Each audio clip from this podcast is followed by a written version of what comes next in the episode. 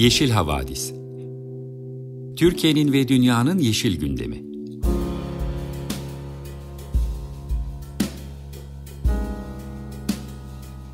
Hazırlayan ve sunanlar Demet Yaman Er, Savaş Çömlek, Dilan Altın Makas, Sare Abit ve Tansu Yeşilkır.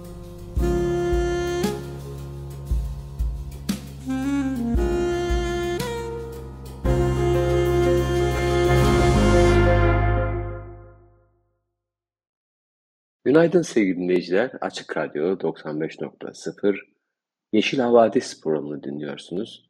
Ben Savaş Çömlek. Bu hafta programımızda Dünya Meteoroloji Örgütü'nün küresel su kaynaklarına ilişkin kapsamlı bir değerlendirmesini sunan yeni bir raporundan söz edeceğiz. Söyleşi Haber köşemizde. Ekoloji Bülteni'nde haftanın haberlerini ben sizler için hazırlayıp sunacağım. Sevgili Sare arkadaşımız da sizler için iklim bülteni hazırlayacak. Güne başlamadan önce 30'lu yılların Swing fırtınasından çok bilinen parçalardan ve tabii ki sevilen parçalardan biriyle başlayalım. Duke Ellington söylesin Take the Train. Herkese merhaba, ben Sare. Bu hafta iklim haberlerini ben sunuyorum. İlk haberimiz iklim değişikliği 50 yıl içinde Birleşik Krallık'ta gıda kaynaklı iç karışıklıklara yol açabilir. Birleşik Krallık'ta 58 gıda uzmanı ile yapılan anketi içeren yeni araştırmaya göre aşırı hava olaylarından kaynaklanan gıda kıtlığı 50 yıl içinde ülkede iç karışıklıklara yol açabilir. Uzmanlara göre buğday, ekmek, makarna ve tahıl gibi temel karbonhidratların kıtlığı olası bu tür karışıklıkları muhtemel tetikleyicisi olabilir. The Conversation'ın aktardığına göre gıda uzmanlarının %40'ı ülkede 10 yıl içinde gıda kıtlığı kaynaklı iç karışıklıklardan 30 binden fazla insanın zarar görmesinin mümkün olduğunu söylüyor. Uzmanların %80'i ise önümüzdeki 10 yıl içinde gıda kıtlığına yol açan lojistik dağıtım sorunlarının gıda ile ilgili iç karışıklıkların en olası nedeni olacağının altını çiziyor. 50 yıllık projeksiyonlarda uzmanların %80'i iç karışıklığın yaşanmasının mümkün olduğunu değerlendirirken %57'si Birleşik Krallık nüfusunu ayakta tutmak için yetersiz gıda arzının gıda sistemindeki huzursuzluğun en olası nedeni olacağını söylüyor. Fırtına, sel, kar ve kuraklık dahil olmak üzere aşırı hava olayları hem 10 hem de 50 yıllık projeksiyonlarda gıda arzı kıtlığının ve dağıtım sorunlarının önde gelen nedeni olarak işaret ediliyor. Meyvelerin %80'i, sebzelerin %50'si ve sığır ve kümes hayvanlarının %20'si dahil olmak üzere Birleşik Krallığın tüm gıda tedarikinin neredeyse yarısı ithalata dayalı. Dolayısıyla ithalat ve tedarik zincirlerinde yaşanacak herhangi bir aksama ülkenin gıda tedarik sisteminde aksamalara neden olabilir. Gıdanın erişilemez oluşu fiyatların yükselmesine ve potansiyel olarak iç karışıklıklara sebep olabilir. 2007 yılında Avustralya, Hindistan ve ABD'de yaşanan kuraklık, sel ve sıcak dalgaları nedeniyle küresel tahıl üretiminde %8'lik bir düşüş yaşanması, düşük küresel tahıl stokları, finansal spekülasyonlar ve yüksek gübre fiyatları ile birleşince tahıl fiyatları iki kattan fazla artmıştı. Kriz 30'dan fazla ülkede isyanlara yol açmıştı. Gıda kıtlığının bir sonucu olarak iç karışıklıkların yaşanması riskini azaltmak için gıda yoksulluğuna, e, yoksulluğunun ele alınması, gıda sistemini şoklara karşı daha dayanıklı hale getirecek seçeneklerin araştırılması ve finanse edilmesi gerekiyor. Bunun için bozulmuş toprakların ve tozlayıcıların kullanıldığı habitatların restore edilmesine, gıda tedarik zincirindeki çalışma koşullarının iyileştirilmesine ve sürdürülebilir tarım uygulamalarına öncelik verilmesi gerekiyor. Daha dayanıklı mahsul çeşitleri ve türleri yetiştirmek, kaynakları daha verimli kullanmak ve yedek depolama ve dağıtım sistemleri kurmak da daha dirençli bir gıda sisteminin kilit unsurlarından. gelecekteki gıda kıtlığı ve dağıtım sorunlarının en olası nedeni olan iklim değişikliğinin zararlı etkilerini azaltmaya yönelik çabaların da artırılması gerekiyor. İkinci haberimize geçebiliriz. İkinci haberimiz İsveç, e, İsveç'te para cezasına çarptırılan Greta Thunberg hakkında. İsveçli iklim aktivisti Greta Thunberg, Malmö'deki bir petrol terminalinde düzenlenen iklim protestosunda polise itaatsizlik ettiği için tekrar para cezasına çarptırıldı. İsveç'teki Malmö Bölge Mahkemesi'nde 4500 kron yani yaklaşık 400 euro ödemeye mahkum edilen Thunberg, Temmuz ayında benzer bir suç nedeniyle aynı mahkeme tarafından 2500 kronluk yani yaklaşık 216 euroluk bir para cezasına daha çarptırılmıştı. Eylemde geleceği geri kazan hareketinden aktivistler oturma eylemi yaparak tesise erişimi geçici olarak engellemiş, eylemciler arasında bulunan Thunberg olay yerini terk etmesini isteyen polise itaat etmeyi reddettiği için sürüklenerek olay yerinden uzaklaştırılmıştı. Daha sonra polis tarafından tüm e, aktivistler uzaklaştırıldılar. Reuters'ın aktardığına göre 20 yaşındaki Thunberg, duruşmaya fosil yakıt endüstrisine karşı mücadelenin iklim krizinin varoluşsal ve küresel tehdidi nedeniyle bir tür meşru müdafaa olduğunu söyleyerek suç işlediğini reddetti. Bilim bizim tarafımızda, ahlak da bizim tarafımızda. Dünyadaki hiçbir şey bunu değiştiremez dedi. Thornberg aldığı para cezasının ardından yerli Samilerin de aralarında bulunduğu aktivistlerle birlikte bir protestoya katılmak üzere komşu Norveç'e geçti. Samiler 151 tribünden oluşan rüzgar santralini protesto ediyor ve Rengeyi çobanlarının yaşam tarzını tehlikeye attığını söyledikleri için santralin kaldırılmasını istiyor. Aktivistler yeşil enerjiye geçişin yerli halkın hakları pahasına yapılmaması gerektiğini söylüyor. İki yıl önce Norveç Yüksek Mahkemesi türbün inşaatının araziyi yüzyıllardır rengeyi için kullanan Samilerin haklarını ihlal ettiğine karar vermişti. Ancak Norveç hükümetinin rüzgar santralini kaldırma planı bulunmuyor. Turnberg, Avrupa'nın en büyük kara rüzgar santrali operatörünün Norveç'teki ofisinin önünde protesto yapan aktivistlerin önceki eylemine de katılmış, yerli hakları ve insan hakları iklimin korunması ve iklim eylemiyle el ele gitmeli. Bu bazı insanların pahasına gerçekleşemez demişti. Eylemde geleneksel Sami kostümleri giyen aktivistler, Fosen'deki rüzgar türbinlerinden 80'ini işleten devlete ait bir şirket olan Statkraft'ın Oslo'daki binasının önünde oturma eylemi yapmışlardı. İşçilerin içeriye girmesini engelleyen eylemciler, çarşamba günü de Norveç parlamentosunun koridorunda bir protesto eylemi düzenlemiş Polis tarafından parlamentodan çıkarılan yüzlerce kişi sokaklarda eyleme davet devam etmişti. Norveç Başbakanı Jonas Gahr Store devam eden insan hakları ihlallerini kabul etti. Hükümet ise yüksek mahkeme kararına rağmen harekete geçilmediği için defalarca özür diledi. Ancak Enerji Bakanı Terci Asland protestocuların talebi üzerine Fosen'deki tüm rüzgar tribünlerinin yıkılmasının konuyla ilgili olmadığını söyledi. Thunberg de eylemde yaptığı konuşmada insan haklarını ihlal eden yenilenebilir enerjiye sahip olamayız.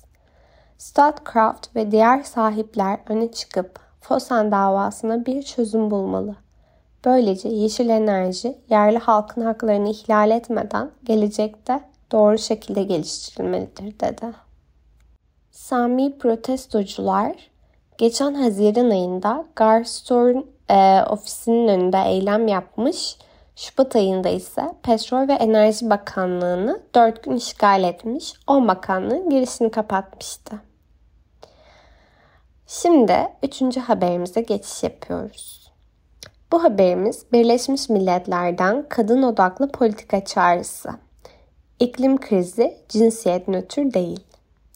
Birleşmiş Milletler, ülkelerin sadece üçte birinin iklim kriziyle mücadeleye yönelik ulusal planlarında cinsel sağlık ve üreme sağlığına yer verdiğine dikkat çekti. Birleşmiş Milletler Nüfus Fonu ve Londra Queen Mary Üniversitesi tarafından 10 Ekim'de yayınlanan bir rapora göre planlarını yayınlayan 119 ülkeden sadece 38'i doğum kontrolü, anne ve yeni doğan sağlığı hizmetlerine erişimi içeriyor ve sadece 15'i kadına yönelik şiddete atıfta bulunuyor.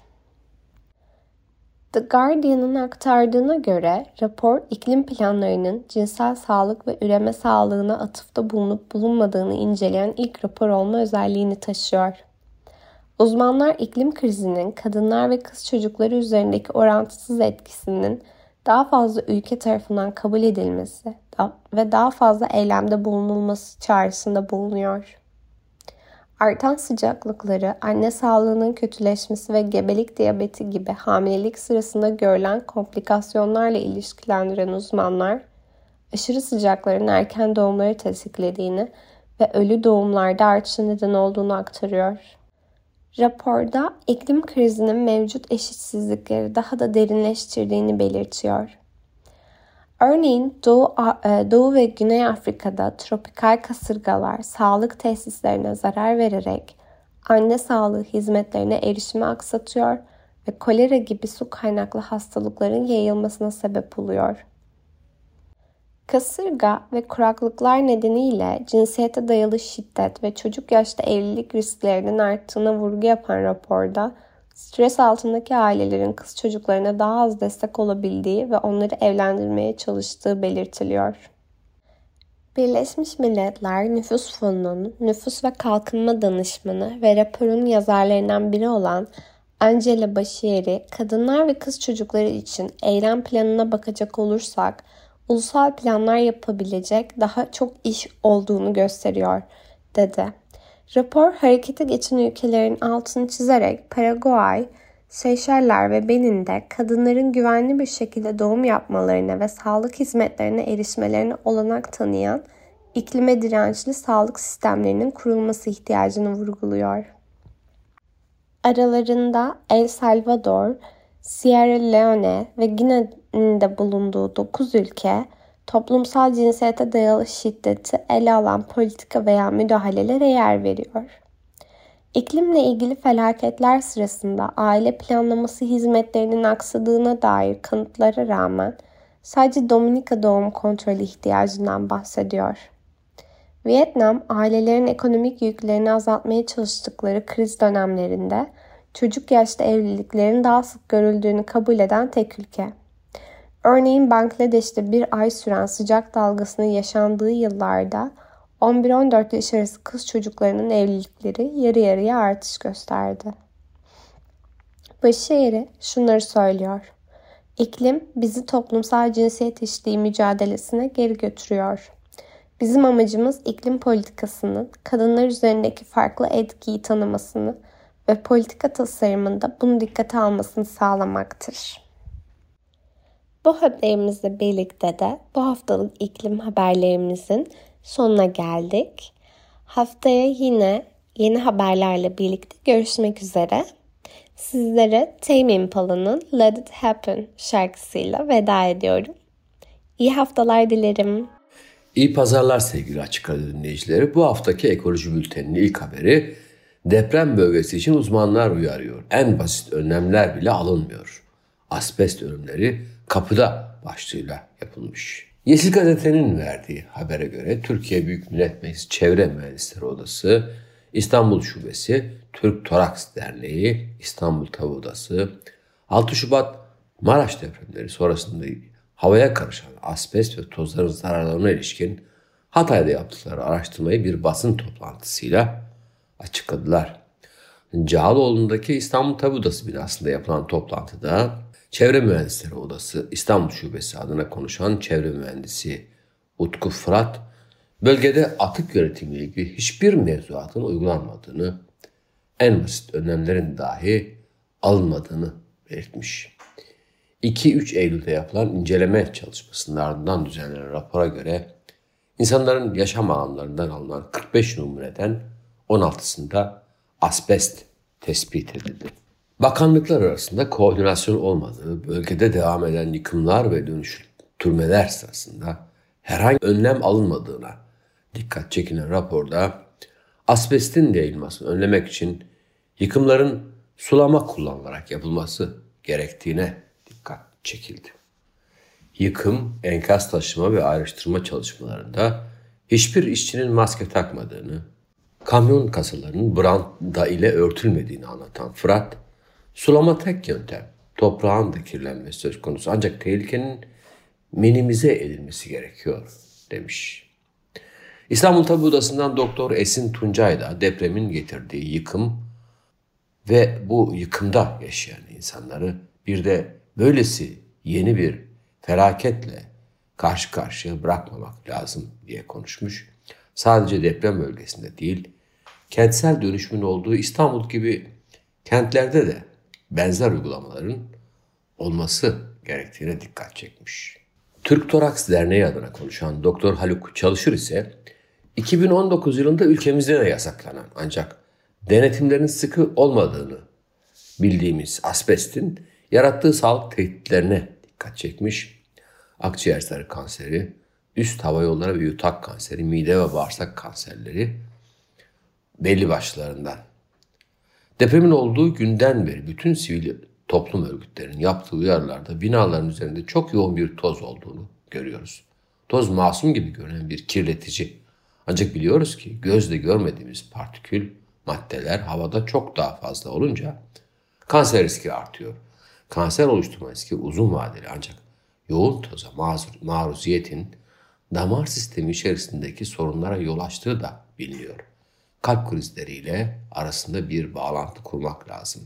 Ne yazık ki veriler ne halka ne de hekimlere açık. Dolayısıyla gerçek verileri, gerçek hastalık risklerini anlayamıyoruz. Çünkü yeterince veri elimizde bulunmuyor. Sıradaki haber, haberimiz Akbelen için koşuyor. Genç bir sporcu doğa olmadan spor olmaz diyor. Evet. Ramazan Akgül yarın Kapıdaki Ultra Trail'de Akbelen için koşacak. Ekoloji mücadelesiyle sporu bir araya getiren Akgül 36 38 kilometrelik koşunun öncesinde Yeşil Gazete muhabiri Cansu Acar'la söyleşmiş. Akgül zorlu parkurların bulunduğu 38 kilometrelik koşusu öncesinde aktivizm barışçıl yollarla topluma daha iyi mesajlar verebilmek için bir yöntem. O yüzden yıllardır mücadele ettiğim ekoloji alanını çocukluğumdan beri yaptığım sporla birlikte yürütmeye çalışıyorum. Sporun hem medya gücünü hem de toplumdaki pozitif imajını en verimli şekilde kullanmak istiyorum. Daha önce Akbelen için İzmir'den bisiklet sürmüştüm ve oldukça pozitif bir etkisi oldu. Mücadeleye o yüzden bu sefer de Kapadokya'daki yarışla devam etmek istiyorum. Akbelen için bu yarışa katılacağım demiş. Yeşil Gazete'nin bir diğer özel haberi özel koruma altındaki Çakıl plajında yat limanı projesine onay çıktı başlığıyla verilmiş. Fethiye Göcek Özel Çevre Koruma Bölgesi kapsamında yer alan Çakıl plajında yapılmak istenen marine için iki kez çet olumsuz kararı verilmişti. Proje uygulanırsa 6665 metrekarelik alanda 912 metre uzunluğunda 3 iskele yapılacak. İskeleler için toplam 21.839 ton çelik kullanılacak. Aydın Muğla Denizli Planlama Bölgesi 1 bölü 100 bin ölçekli çevre düzeni planına göre kentsel olmayan alanlar 3. derecede doğal sit alanı ve 3. öncelikli bölge içerisinde yer alıyor. Projenin yapılmak istenildiği alan Bern Sözleşmesi'yle korunma altına alınan Akdeniz fokunun yaşama ve üreme alanları içerisinde yer alıyor. Proje için 2015 ve 2020 yıllarında iki ayrı chat süreci başlatılmış. Üçüncü kez bakanlığa sunulan bu kez olur alan projede yat limanının boyutlarının bir miktar küçültüldüğü anlaşılıyor. Artı gerçeği konuşan Fethiye Ekolojik Yaşam Derneği Başkanı Biyolog Ulaş Kiper konuyla ilgili şu görüşleri dile getirmiş. Fethiye Körfezi çok uzun yıllardır körfez dibinin dolmasından kaynaklı kirlilik ile karşı karşıya ve bu durum hızla artıyor. Coğrafi olarak da önü kapalı, önünde ada var ve göle benziyor. sürekli kirlilikle baş etmeye uğraşırken aynı zamanda yeni marina ve yat limanı projeleri karşımıza çıkıyor. Bu körfez ölmekte olan bir körfez. Bazı bölgelere bırakın yatı, küçük balıkçı teknelerinin bile yanaşmaması gerekiyor. Çünkü o kadar sığlaştı. Akdeniz ve Ege bölgesinin kesiştiği noktalardaki körfezin balık popülasyonlarının üreme alanı olduğunu ancak bu özelliğini kaybetmek üzere olduğunu vurgulayan Kiper şu bilgilere de aktarmış.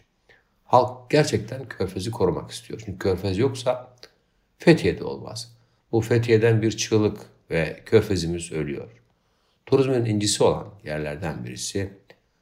Burada başka marinalar da var ve bunlar körfezin su sirkülasyonunu önleyici nitelikte.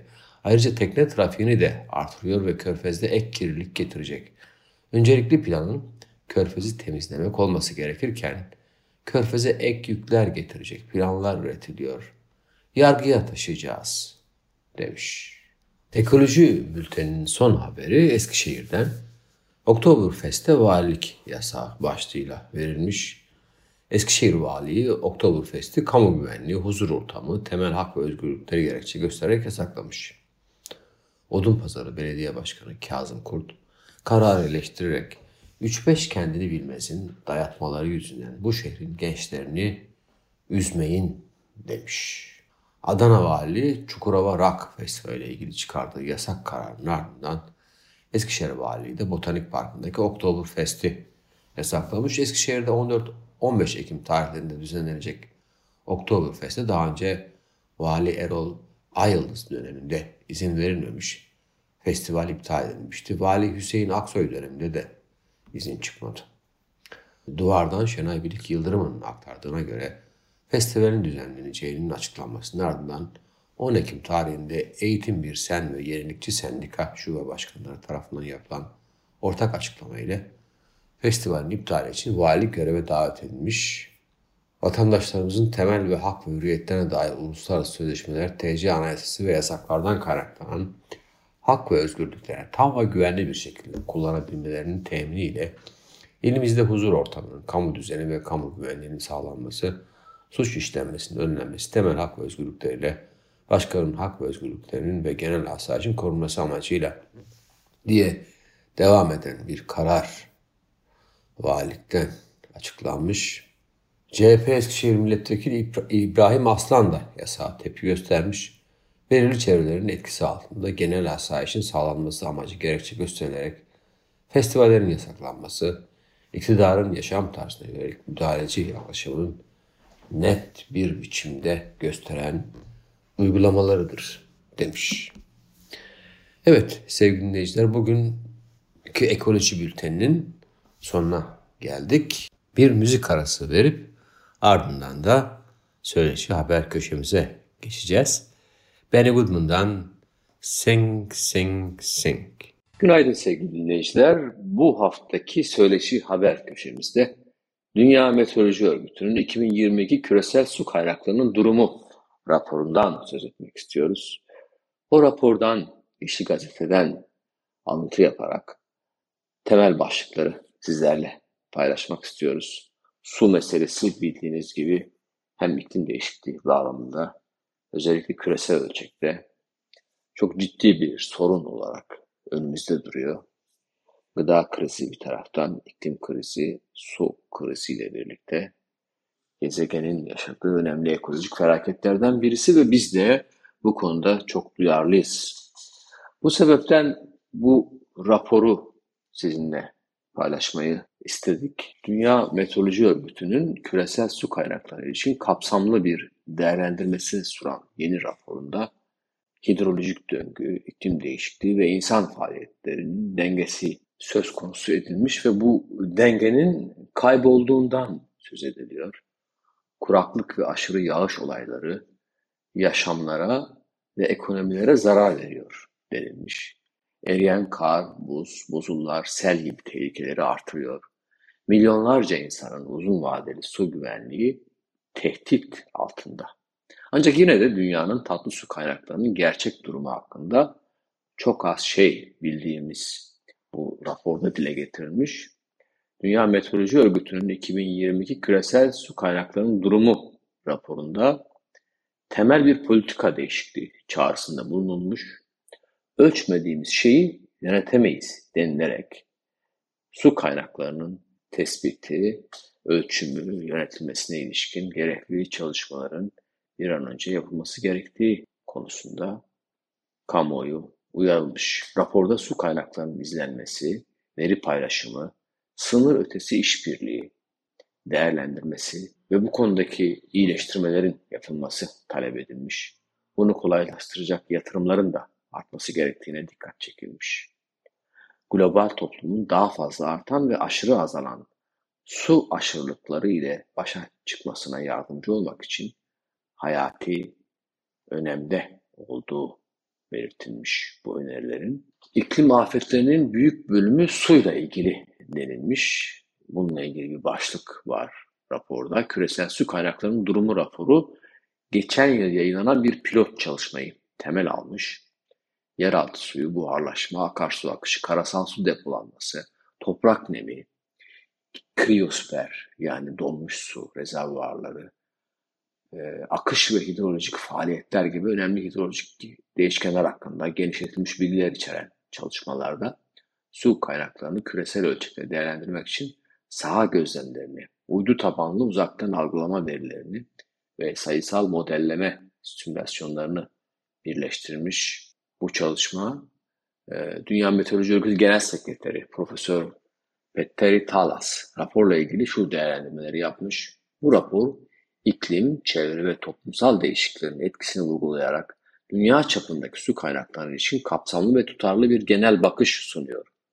Buzullar ve buz örtüsü gözlerimizin önünden çekiliyor. Artan sıcaklıklar su döngüsünü hızlandırdı ve bozdu. Daha sıcak bir atmosfer, daha fazla nem tutar. Çok daha şiddetli yağışlar ve su baskınları görüyoruz. Tam tersi durumda ise daha fazla buharlaşma, kuru topraklar ve daha yoğun kuraklıklar söz konusu demiş Profesör Pettari.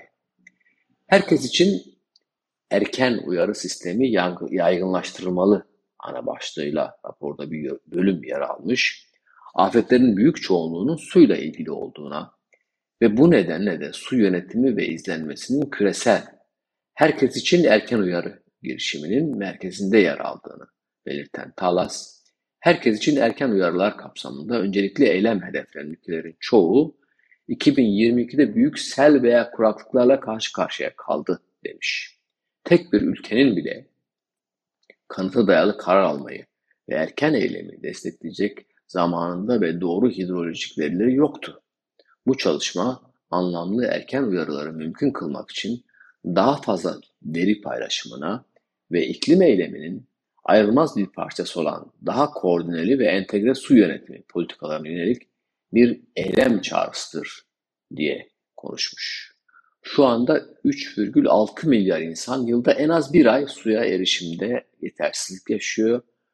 Birleşmiş Milletler verilerine göre bu sayının 2050 yılına kadar 5 milyarın üstüne çıkması bekleniyor.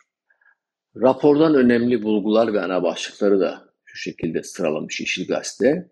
Çalışmada nehir deşarjı, yeraltı suyu, buharlaşma, toprak nemi, rezervuarlara akış gibi çeşitli değişkenlerin uzun vadeli ortalamalarıyla karşılaştırmalar olarak büyük nehir havzalarında su kaynaklarının bağımsız ve tutarlı küresel ölçekte niceliksel bir değerlendirmesi yapılmış. Bu verilere göre 2002 yılında küresel su toplama alanlarının %50'sinden fazlasında normal nehir deşarj koşullarından sapmalar yaşanmış. %50'sinde normal büyük nehirlerin normal deşarjları bozulmuş yani. Bu alanların çoğu normalde daha kuruydu. Havzaların daha büyük bir yüzdesi ise normal koşulların üzerinde veya çok üzerinde görülüyor. Bu 2021 yılındakine benzer bir durummuş. Büyük su rezervlerinin %60'ından fazlasında normalin altında veya normal giriş görülmüş.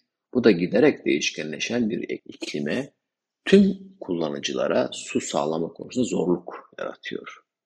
2022 yılı boyunca toprak nemi, buharlaşmadaki anomalilikler, nehir deşarj koşullarındaki anormallikler yansıtılmış. Örneğin Avrupa'da büyük bir sıcak dalgası ve kuraklık nedeniyle yaz aylarında buharlaşmanın arttığı, toprak neminin ve nehir akışlarının azaldığı görülmüş. Bu sadece tarımda zorluklara yol açmakla kalmamış, aynı zamanda soğutma suyu eksikliği nedeniyle enerji planlarında kapanmasına yol açmış. 2020'deki La Nina'dan 2023'teki El Nino koşullarına geçişin gelecek yılın raporunda analiz edilerek e, oluşacak hidrolojik döngü üzerinde büyük bir etkisi olması muhtemeldir denilmiş. Tibet platosu, Himalayalar, Karakurum, Hindukuş, Pamir dağları ve Tien Şuan dağlarını kapsayan 3. kutup neredeyse 2 milyar insanın su temini için hayati önem taşıyor. 2000'den 2018'e kadar toprağın buzul kütle dengesi %4'ten fazla azalmış. Kar örtüsünde gözle görülür bir azalma ve buzul göllerin hacminde büyük bir artış yaşanmış. Bu durum Indus, Amudarya, Yangtze ve Sarı Nehir havzalarında nehir akışlarını etkileyerek iklim değişikliğinin bölge üzerinde gelişen etkisini gösteriyor.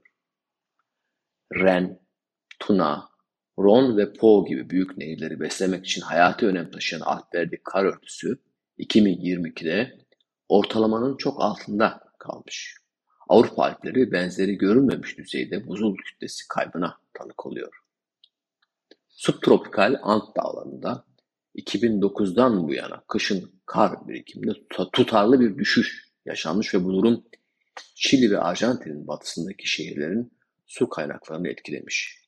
2022 yılında bazı bölgelerde ortalamanın biraz üzerinde kar görülmesine rağmen özellikle Arjantin tarafında önemli havzalarda hala ortalamanın altında koşullar rapor ediliyor. Bu da kalabalık şehir merkezlerinde sürekli su kısıtlamalarına yol açıyor. 2022'de suyla ilgili ciddi felaketler yaşandı. Raporda bu felaketlerden de söz edilmiş. 2022 yazında Avrupa'nın pek çok bölgesini etkileyen şiddetli kuraklıklar Tuna ve Ren gibi nehirlerde ulaşım zorluklarına yol açmış.